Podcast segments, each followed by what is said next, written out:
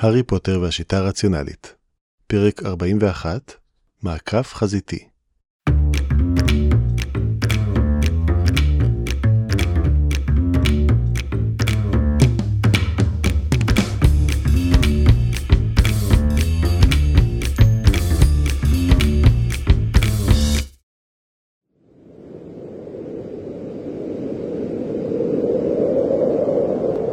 רוח ינואר נושכת, שאגה סביב קירות האבן החלקים והעצומים שתחמו את גבולותיה החומריים של טירת הוגוורטס. לוחשת ושורקת בטונים מוזרים בעודה נושבת לאורך החלונות הסגורים ולביצורי האבן.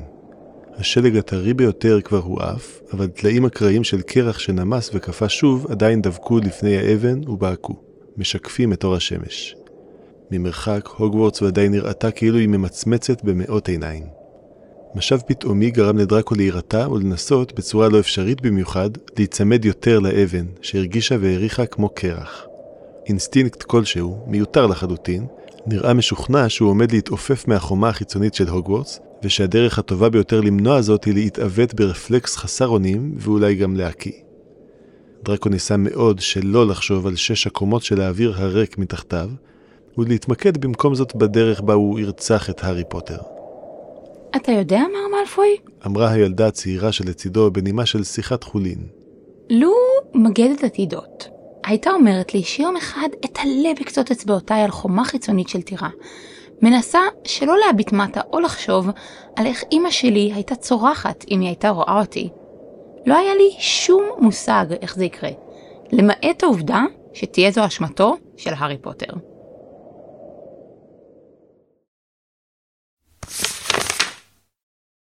מוקדם יותר. שני הגנרלים בעלי הברית צעדו יחדיו מעל גופו של לונג בוטום, מגפיהם מכים ברצפה בסנכרון כמעט מושלם. רק חייל בודד עמד בינם לבין הארי, ילד מסליתרין ושמו סמואל קלמונס, ידו קמוצה סביב שרביטו, שהוחזק כלפי מעלה כדי לתחזק את המגן הפריזמטי שלו. נשימותיו של הילד היו מהירות, אבל פניו הראו את אותה נחישות קרה שהאירה את עיניו של הגנרל שלו, הארי פוטר, שעמד מאחורי הקיר הפריזמטי במבוי הסתום של המסדרון, ליד חלון פתוח, ידיו מאחורי גבו בצורה מסתורית. הקרב היה קשה במידה מגוחכת, בהתחשב בעובדה שהיה להם יתרון של שניים לאחד על האויב. זה היה אמור להיות טבח קל, צבא דרקון ועוצבת אור שמש התמזגו היטב באימונים, ונלחמו זה בזה במשך מספיק זמן כדי להכיר זה את זה היטב. המורל היה גבוה.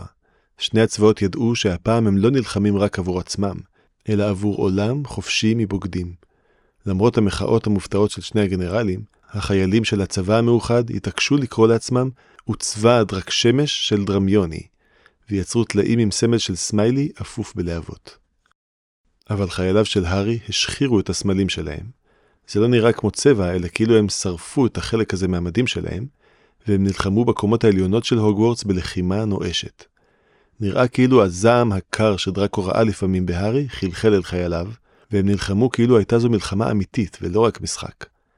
הארי רוקן את כל שקית הטריקים שלו, שבה היו כדורי מתכת קטנים, גרינג'ר זיהתה אותם כמיסבים כדוריים, על רצפות וגרמי מדרגות, שהפכו אותם לבלתי עבירים עד שפונו, אלא שהצבא של הארי כבר התאמן בלחשי ריחוף מתואמים, והיה מסוגל להרחיף את חייליו מעל המכשולים שיצר בעצמו.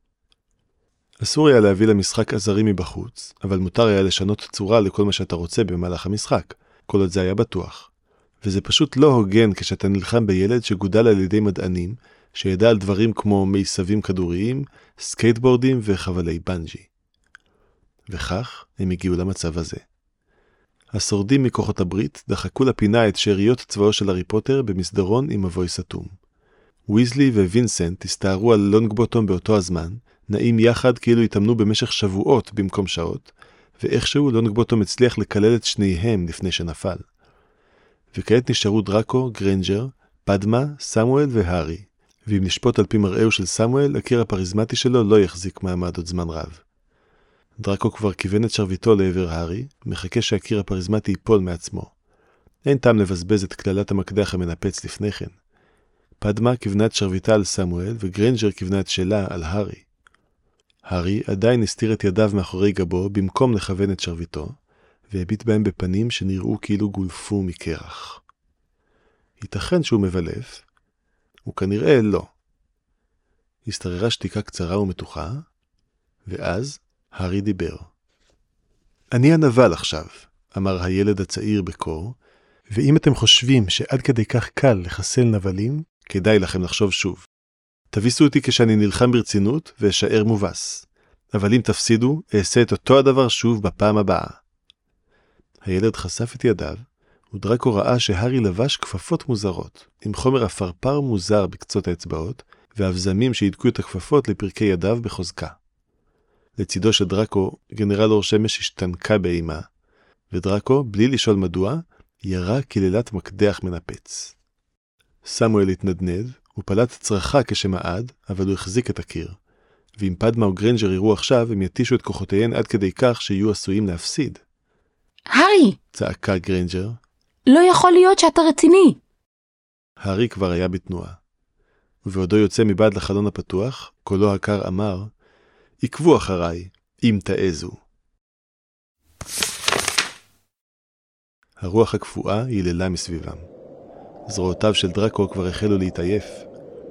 מסתבר שאתמול הארי הדגים לגרנג'ר בקפידה בדיוק איך לייצר בשינוי צורה את הכפפות שלבש כעת, שהן משהו שנקרא זיפי סממית, ואיך להדביק טלאים מאותו החומר שיוצרו בשינוי צורה אל קצות נעליהם. והארי וגריינג'ר ניסו לטפס על הקירות והתקרה במשחק ילדותי ותמים. ובנוסף, גם כן אתמול, הארי סיפק לגריינג'ר בדיוק שתי מנות של שיקוי נפילת נוצה שתישא בנרתיקה. רק ליתר ביטחון.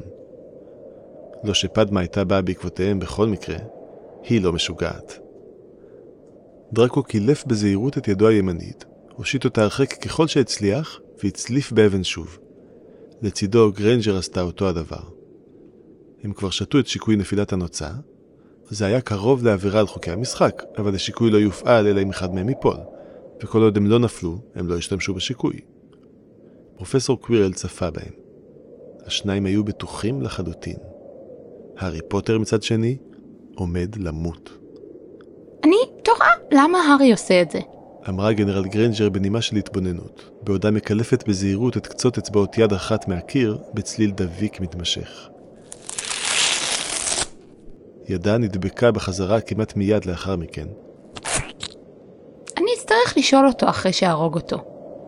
מדהים כמה יש להם במשותף, מסתבר.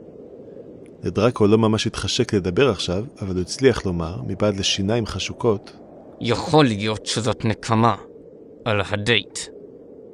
באמת, אמרה גרינג'ר, אחרי כל הזמן הזה. כמה מתוק מצידו.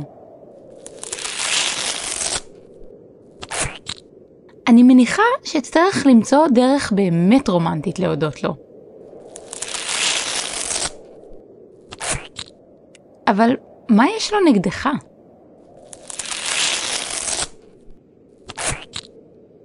הרוח הקפואה היללה מסביבם.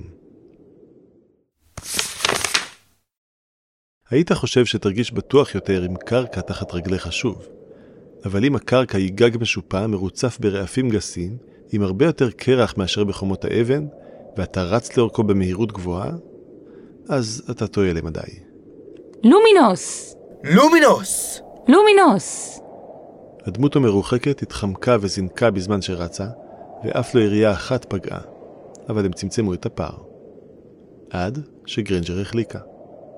זה היה בלתי נמנע במבט לאחור. בחיים האמיתיים אי אפשר באמת לרוץ במהירות גבוהה לאורך גגות משופעים מלאי קרח. ובצורה בלתי נמנעת גם כן, מכיוון שזה קרה בלי שום מחשבה, דרקו הסתובב ושלח את ידו לעבר זרועה הימנית של גרנג'ר, ותפס אותה. אלא שהיא כבר איבדה יותר מדי משיווי משקלה. היא החלה ליפול ומשכה את דרקו איתה. הכל קרה כל כך מהר. התנגשות קשה וכואבת, לא רק משקלו של דרקו שהיכה בגג, אלא גם חלק ממשקלה של גרנג'ר, ואם הייתה פוגעת קצת קרוב יותר לקצה, הם היו יכולים להצליח, אבל במקום זאת הגוף שלה נטה שוב והרגליים שלה החליקו, וידה השנייה נשלחה בייאוש, וכך, דרקו מצא את עצמו אוחז בזרועה של גרינג'ר ביד לבנה ממאמץ, בעוד ידה השנייה אוחזת בייאוש בקצה הגג וקצות אצבעות רגליו של דרקו מתחפרות בין שני רעפים. הרמיוני! קולו של הארי צווח במרחק. דרקו. לחש קולה של גרינג'ר, ודרקו הביט מטה.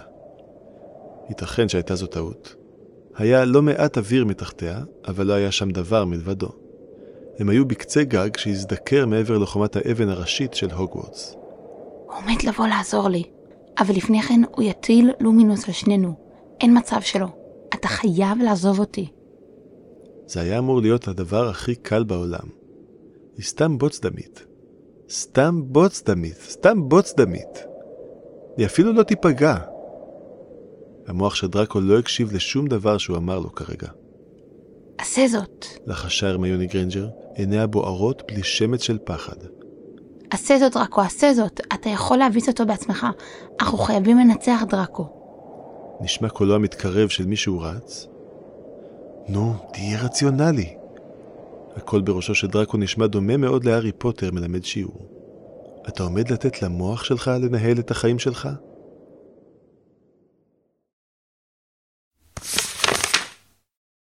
אחרית דבר אחד. דפני גרינגרס התקשתה להישאר בשקט בזמן שמיליסנט בולסטרוד סיפרה שוב את הסיפור בחדר המועדון של בנות סלית'רין. מקום נעים וקריר בצינוק של הוגוורטס, מתחת לאגם, עם דגים ששחו מבעד לכל חלון וספות שמי שרוצה יכול לשכב עליהן. בעיקר כי הסיפור היה לדעתה של דפני טוב מאוד כפי שהוא, בלי כל השיפורים של מיליסנט. ואז מה? התנשמו פלורה והסטיה קארו, הגנרל גריינג'ר הרימה את מבטה לעברו, מיליסנט אמרה בדרמטיות. והיא אמרה, דראקו, אתה חייב לעזוב אותי. אל תדאג לי, דראקו, אני מבטיחה שאהיה בסדר. ומה אתן חושבות שמלפוי עשה אז? הוא אמר, לעולם לא, צעקה שרלוט ווילנד. והחזיק אפילו חזק יותר. כל הבנות שהאזינו הנהנו, מלבד פנסי פרקינסון. לא, אמרה מיליסנט. הוא שמט אותה. ואז הוא קפץ וירה בגנרל פוטר. הסוף. השתררה שתיקה המומה.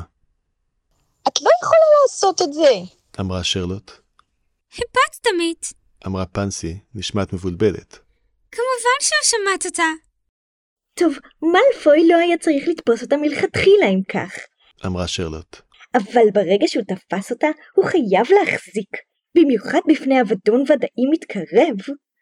טרייסי דייוויס, שישבה ליד דפני, הנהנה בהסכמה נחרצת.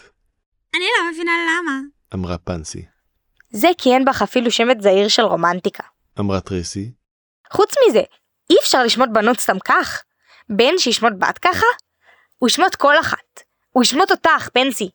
מה זאת אומרת תשמוט אותי? דפני לא הצליחה להתאפק יותר.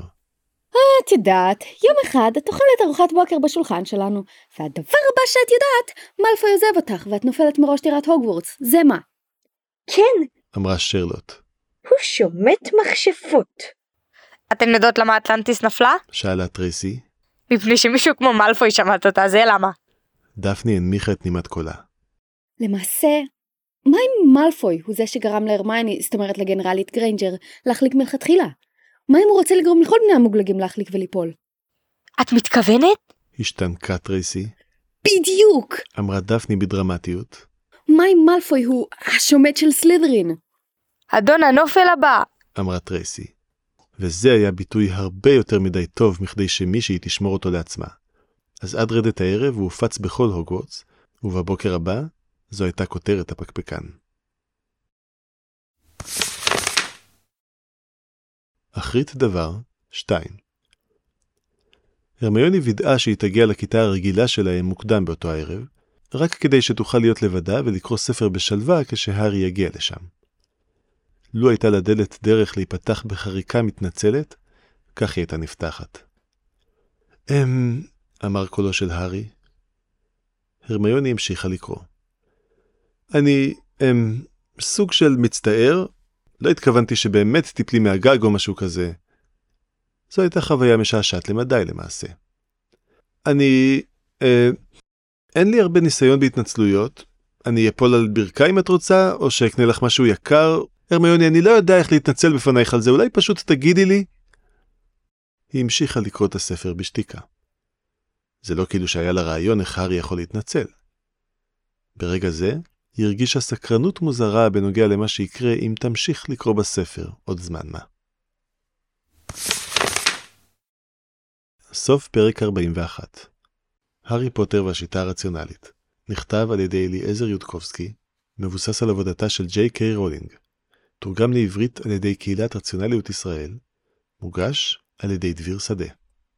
הרמיוני גריינג'ר, על ידי יעל אייזיקס. דרקו מאלפוי על ידי שלם גולדשטיין. איילה רוט, קוראת את מיליסנט בולסטרוד. טרייסי דייוויס, טליה נאמן. פלורה והסטיה קארו, הילה ויליה. שרלוט וילנד, מקריאה עדי קוטלר וייס. דפני גרינגרס, שרה סרברו.